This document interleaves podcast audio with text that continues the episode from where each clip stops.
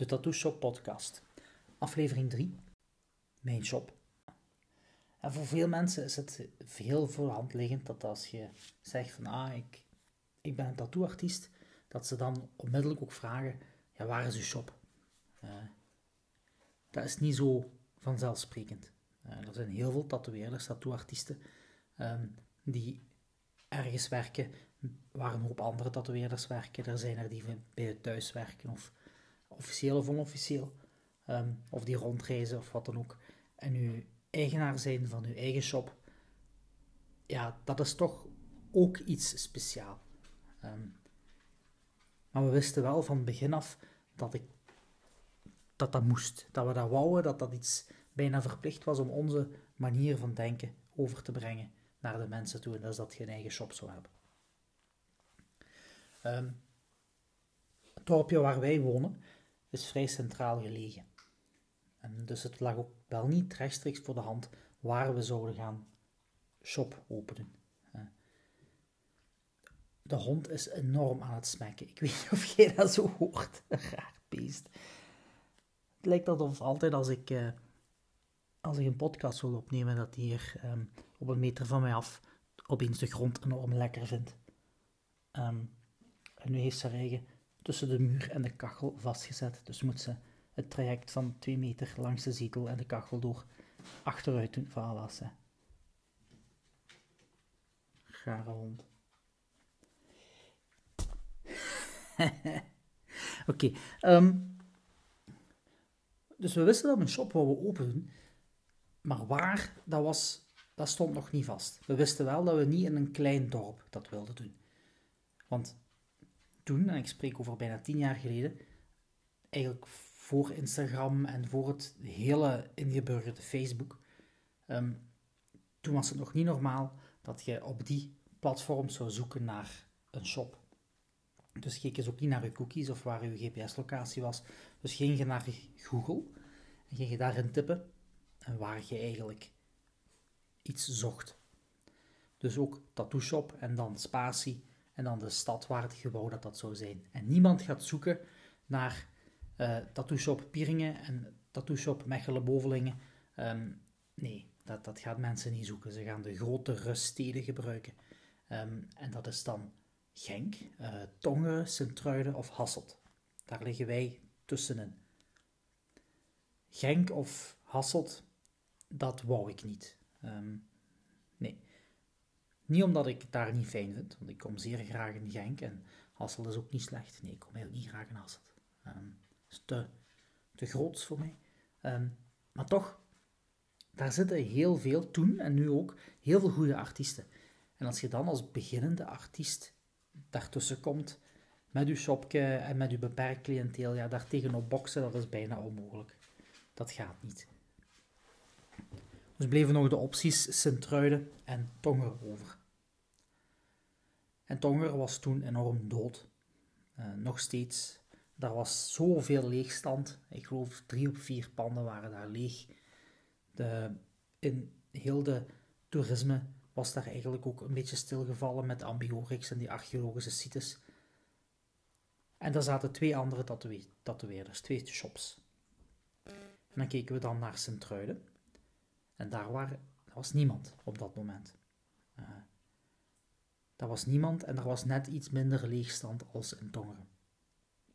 Dan heb ik het over de zijstraatjes. Um, de grote winkelstraten zijn meestal in grotere steden wel net iets meer bevolkt, maar de, zijstraatjes zijn, zeker nu als je nu kijkt, uh, dood. Ja. Dus hebben gekozen om te gaan kijken naar Sint-Truiden. We zijn er eigenlijk uitgekomen op een onoverdekt winkelcentrum, noemt de Sicindria Shopping, genoemd naar, ik geloof, naar een soort beek wat daar doorloopt. De Sicindria. En dan zijn we daar snel op een pand uitgekomen wat ons aanstond.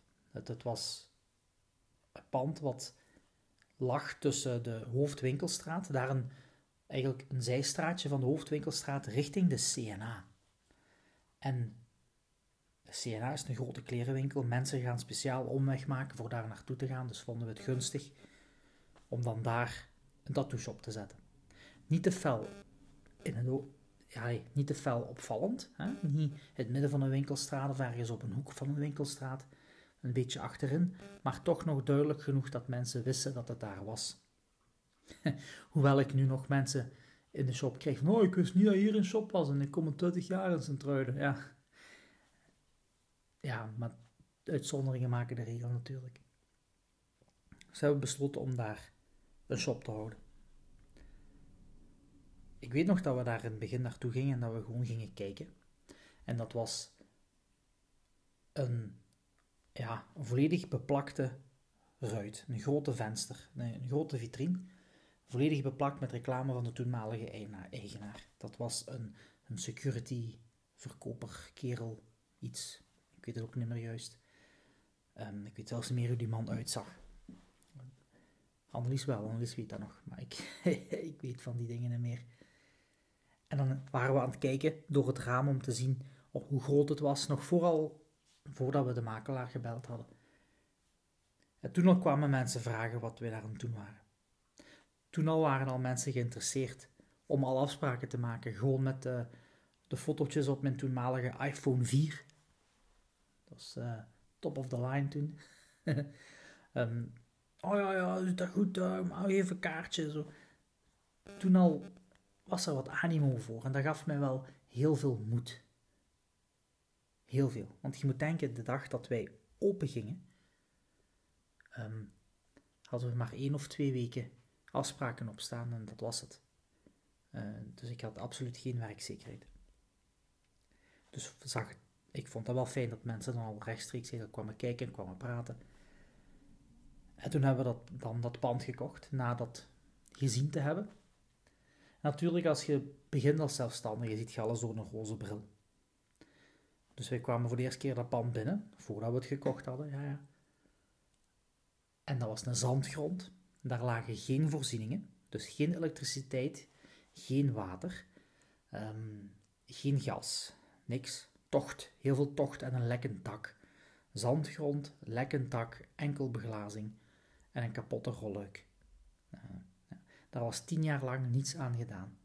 Dat werd door de buurt gebruikt als een soort stockage voor uh, papier. Dus het rook daar naar, naar rot papier. Dat was niet fijn. Nee. Maar ik vond het geweldig. Wauw, hier gaan we het doen. Ja, top. Doen we. Geweldig. Ja, dat was een heel fijn gevoel ook, zeker nadat dat we dan de sleutel hadden en dat het van ons was. Allee, uiteindelijk als de lening afbetaald was. Hè. Maar dat het van ons was en dat we, ja, wauw, chic. Um, wat je hebt met uh, winkelcomplexen, en, en zeker met waar wij nu liggen, uh, dat is een van eind jaren 70, begin jaren 80, is dat uh, alles eigenlijk lid is van een cumulatieve. Dus de syndicus beheert heel veel en iedereen hangt vast op hetzelfde netwerk van gas, elektriciteit en water. En dat wouden wij niet. Dat, nee, we wouden ons eigen ding bepalen, ons eigen ding doen. Ehm, en vooral niet luisteren naar iemand anders. Als die zeggen, oh, dus prijsverhoging. Nee, ik wil zelf beslissen uh, hoe dat gebeurt en zo. Dus hebben wij alles nog moeten laten binnenleggen. Uh, ik geloof dat wij 15 meter van de straatkant af liggen. Dus dat is 15 meter wat um, alle voorzieningsmaatschappijen moesten komen opgraven. En ja, dat was heel plezant. Uh, zeker als ze zeggen dat ze komen om 7 uur s morgens en dat je daar staat te wachten. Annelies stond daar te wachten in een onverwarmd, pikkendonker gebouw in het midden van de winter. Um, allee, het herfst, maar toen waren de herfsten nog heel koud. Dat, was, dat is nu niet meer. Dus winter. Um, en dat ze dan om half twaalf bellen middags. Ja, we zouden komen om 7 uur s morgens, maar we komen om 5 uur in de namiddag. Past dat? Ja. Ik heb Annelies toen s'avonds uh, getrakteerd op lekker eten. Uh, en een goed volgestoken kachel. Om het goed te maken dat zij daar de hele dag heeft moeten, werken, moeten wachten tot ze komen werken. Want ik werkte toen nog als heftruckchauffeur. Um, was toen nog uh, daar aan het werken, plus dan nog uh, in bijberoep het doen. Ja, dat was nog iets. En toen alles binnen lag, hebben dan de onze aannemers die dat heel goed hebben gedaan. Een totaalaannemer, een sanitairman en een elektriciteitsman. Drie kameraden. En die hebben dat toen voor ons heel mooi gemaakt. En mee ook nagedacht over het interieur. Van ja, wij wouden eerst de wc ergens anders zetten. En zij zeggen, nee, zet dat daar, dat is logischer. En achteraf gezien hadden ze gelijk. Dus vertrouw uw vakman als die zeggen dat iets doet. Ook uw tatoeëerder. Meestal mensen die heel lang met een vak bezig zijn, hebben ook wel goede ideeën. En twee weken voordat we open gingen, ben ik beginnen verven. Ja, maar ik had eigenlijk geen flauw idee hoe. nee, nee. Wij hadden het idee, want we hadden al wat andere tattoo shops gezien en daar was het overal heel donker en dempig. En, en uh, ja, en ik wou het tegenovergestelde hebben. We wouden licht en dat, het, dat je zag dat het proper was. Dat, was, dat is zeer belangrijk, dat die properigheid, dat dat uitstraalde. Dus we hebben zo goed als elke muur knalwit geverfd. Ja, en het plafond ook. Uh, op twee andere muren na, die waren blauw, maar voor de rest alles wit. Moest je dit nu aan het luisteren zijn en wilt je zelf een tattoo shop open doen, verf uw muren alsjeblieft niet wit. Doe dat niet. Uh, nee. Ik denk dat ik de tweede dag al een bruine vlek had op het plafond van een inkpotje wat ik niet te goed had dichtgedraaid. Um, ja, nee. Zeer moeilijk in onderhoud. Je ziet het minste erop. Um, vuile handen, vettige handen van de klanten. Um, van de kinderen die ze mee hebben. Wat geen probleem is, maar je ziet het wel. Dus alles was wit. En ik had heel weinig inrichting. Ik had een stoel en een tafel staan voor een intakegesprek te doen. Uh, de klanten moesten toen op een houten stoel zitten of op een massagetafel. Uh, ik had een spiegel waar je je lichaam niet volledig in kon zien, dus ik had een niet al te groot spiegeltje. En dat was het. Ja, en een lavabo. Dat, um... Maar voor meer hadden we ook niet budget, natuurlijk. We hadden niet Allee, we zaten beperkt met een budget, want we waren pas startende. Alles stak erin, alles. Dus hadden we nog niet heel veel tijd voor, voor budget.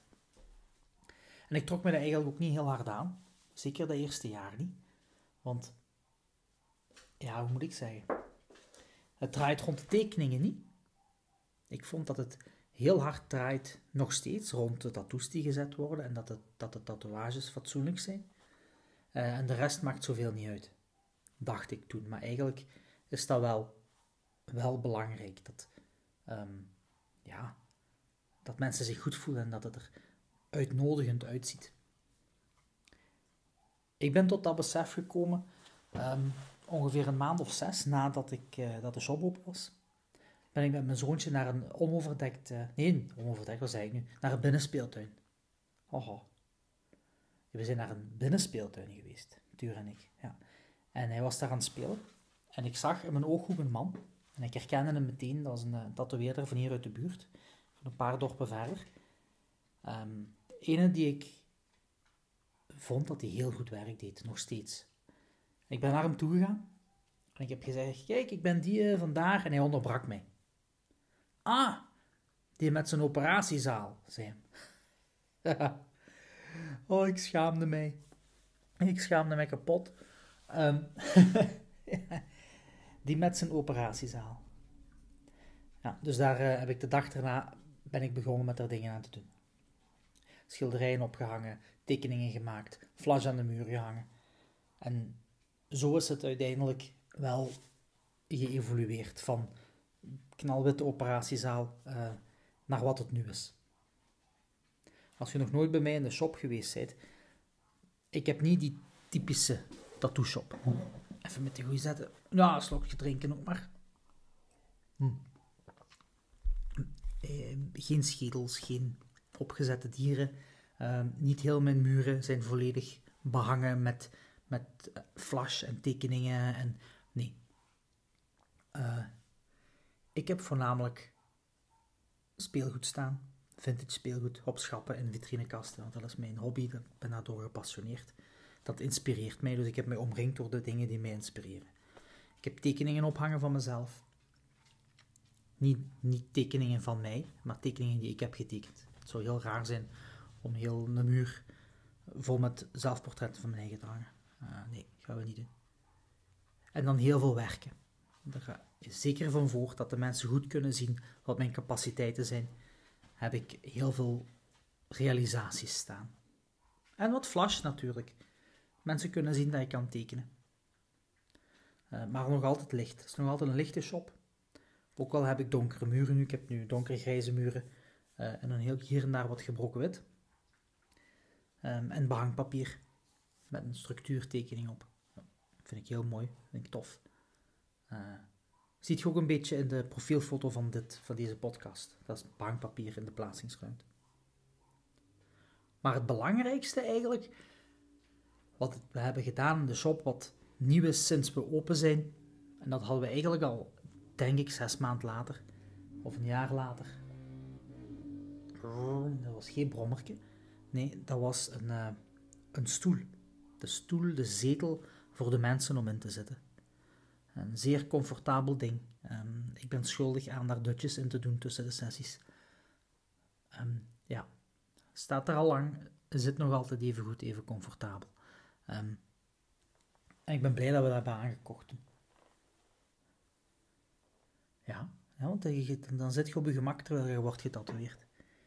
Want ik doe nu hele lange sessies. Allee, ik zeg nu, maar dat is al enkele jaren zo, dat ik grote tattoos zet. En lange sessies. Uh, soms van s morgens tot in de namiddag of s morgens tot s avonds. Of een paar keer per week dat dezelfde persoon komt. En dan is het belangrijk dat die zich goed voelen. Dus nu hebben we een airco, wat we eerst niet hadden. We hebben comfortabele stoelen, wat we eerst niet hadden. Um, en dat doet toch veel. Ja, vind ik. Dat je gemerkt aan de mensen. Ik uh, vind het ook wel... Ik ben mijn kluts kwijt. Wacht even. Even wachten. Dat was het. Heel veel mensen vragen mij of ik ga vertrekken. Want mensen zijn niet meer gewend dat iemand ergens lang is. De consumptiemaatschappij is zo consumerend geworden dat elke winkel om de zoveel tijd verandert van plaats, van bezetting, van uitzicht, van wat dan ook. Um, dus krijg ik regelmatig de vraag: ja, maar zijt hier nog lang? En heel eerlijk, ik zou eigenlijk niet weg willen. Nee, um, ik ben graag daar. Um, de tattoo shop is nu een tweede thuis geworden voor mezelf. Ik merk ook dat heel veel mensen op bezoek komen, uh, pre-corona dan, alsof ze naar mijn thuis komen. Zo even onder de middag iets komen zeggen. En um, er zijn mensen die dutjes komen doen in de zetel die van voor staat. Omdat ze gewoon, omdat ze het kunnen. of uh, iets komen eten of, wat dan ook. Um, als ik pauzes heb, mensen komen aan en af en komen babbelen en zeveren. En dat thuisgevoel is heel fel. Dus die plaats, die operatiezaal van in het begin, is nu een thuis weg van thuis geworden. En ik ben daar zeer graag. Ik vertoef daar graag. S morgens, s avonds, s nachts, maakt niet uit. Als ik daar ben, dat is vertrouwd. En als er dan nog iemand langskomt of voorbij wandelt en even een babbelje komt slaan of naar binnen komt omdat het buiten te koud is. Ja, nu mag dat niet meer. Voor dit jaar was dat wel zo. Dat maakt de plaats nog warmer. Ik heb ooit zelfs op het punt gestaan om de voorkant volledig leeg te halen en er een soort uh, woonkamer van te maken. Wat zetels en een salontafel en wat gezellige lampen.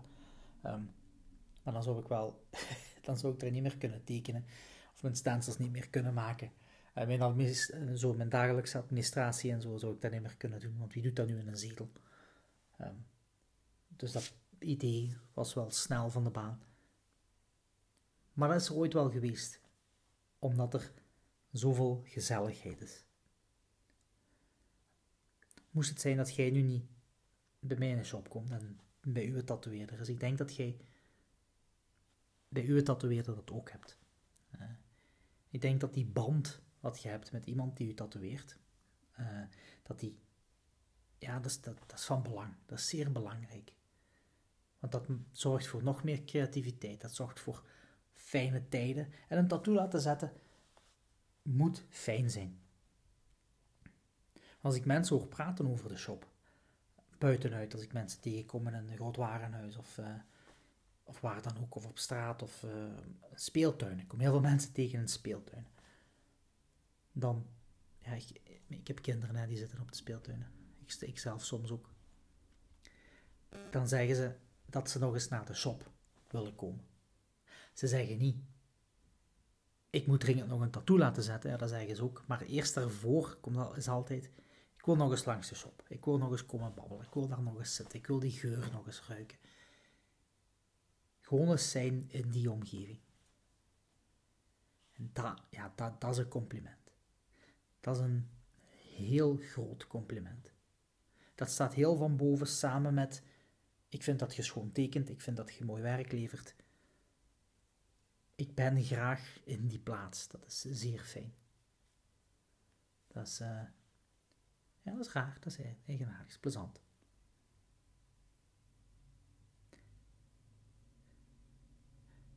En dat is de shop. Ja, de, de, die rare plaats. Weg van thuis.